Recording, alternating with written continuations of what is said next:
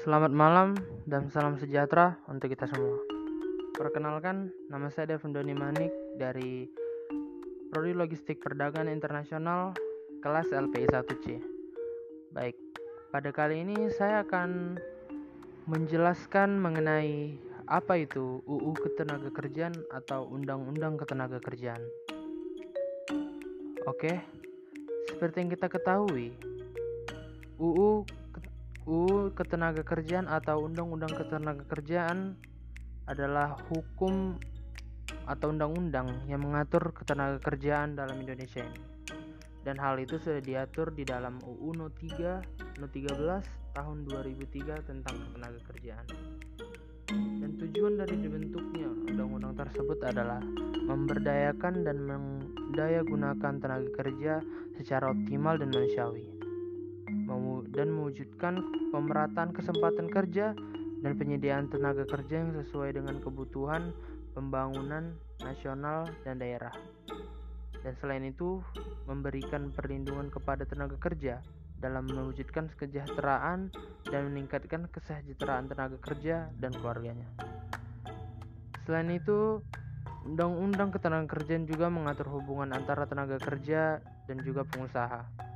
Hubungan kerja hubungan kerja terjadi karena adanya perjanjian kerja antara perusahaan pengusaha dan pekerja atau buruh.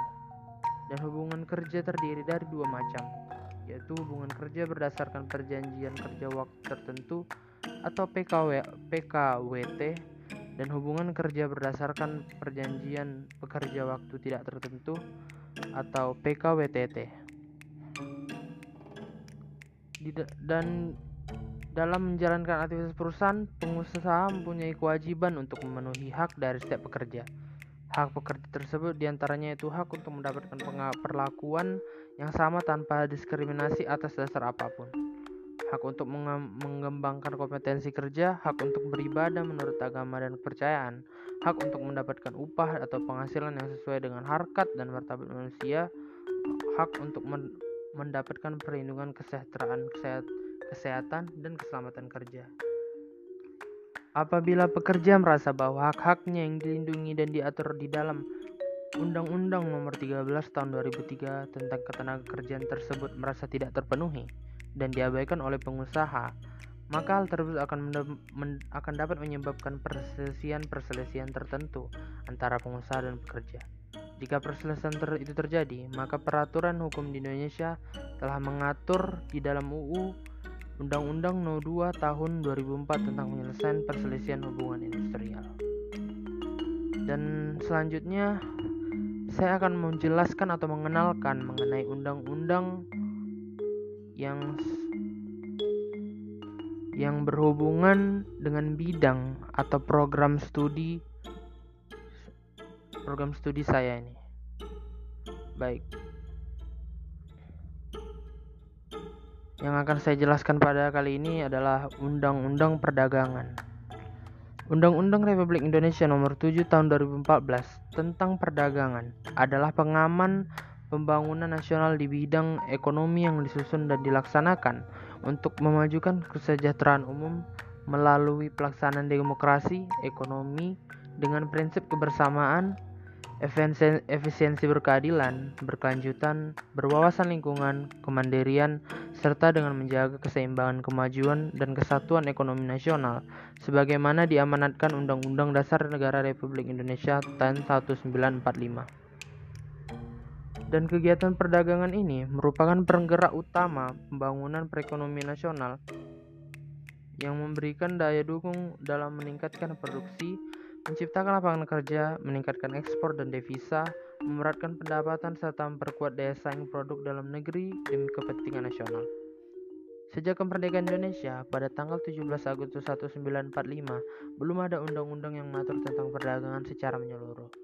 Produk hukum yang setara undang-undang di bidang perdagangan adalah hukum kolonial Belanda atau Bedrift Sregelmenterings Ordonantie 1934 yang lebih banyak mengatur perizinan usaha. Dan Undang-Undang Republik Indonesia Nomor 7 Tahun 2014 tentang Perdagangan disahkan Presiden Dr. Haji Susilo Bambang Yudhoyono Yudhoyono di Jakarta pada tanggal 11 Maret 2014 Undang-Undang 7 Tahun 2014 tentang perdagangan mulai berlaku setelah diundangkan oleh Menkum Ham Amir Syamsuddin pada tanggal 11 Maret 2014 di Jakarta. Undang-Undang Nomor 7 Tahun 2014 tentang perdagangan ditempatkan pada Lembaran Negara Republik Indonesia tahun 2014 Nomor 45 penjelasan atas Undang-Undang 7 Tahun 2014 tentang perdagangan ditempatkan pada tambahan lembaran negara Republik Indonesia nomor 5512 agar seluruh orang mengetahuinya.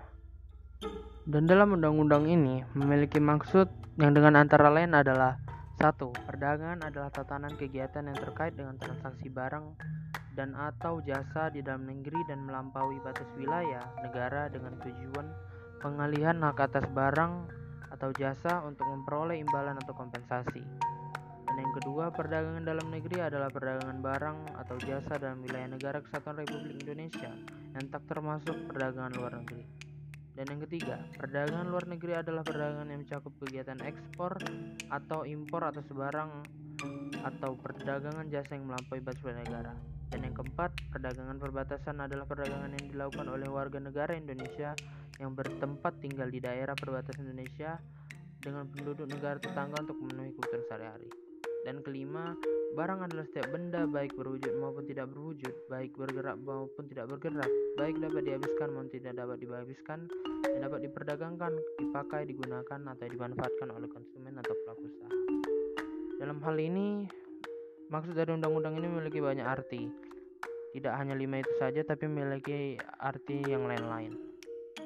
Dan untuk sanksi-sanksi atau pelanggaran dalam undang-undang ini adalah pasal 104 memberikan ancaman pidana penjara paling lama 5 tahun atau pidana denda paling banyak 5 miliar rupiah jika pelaku usaha tidak menggunakan atau tidak melengkapi label berbahasa Indonesia pada barang yang diperdagangkan dalam negeri. Dan pasal 105 mengatur sanksi pidana bagi pelaku usaha yang menerapkan sistem skema piramida dan dapat dan dapat dipidana penjara paling lama 10 tahun atau pidana denda paling banyak 10 miliar rupiah. Dan selanjutnya pasal 106 berlaku bagi pelaku usaha yang melakukan kegiatan usaha perdagangan tidak memiliki perizinan di bidang perdagangan yang diberikan oleh menteri dengan ancaman pidana penjara paling lama 4 tahun atau pidana paling banyak 10 miliar dan pasal 107 menerapkan pidana penjara paling lama 5 tahun dan denda 50 miliar jika menyimpan barang kebutuhan pokok atau barang penting dalam jumlah dan waktu tertentu dan dan juga itu berlaku untuk terjadinya kelangkaan barang. Baik, uh, sekian dari itu saja penjelasan mengenai undang-undang ketenaga kerjaan dan undang-undang perdagangan menurut saya. Sekian dan terima kasih. Selamat malam.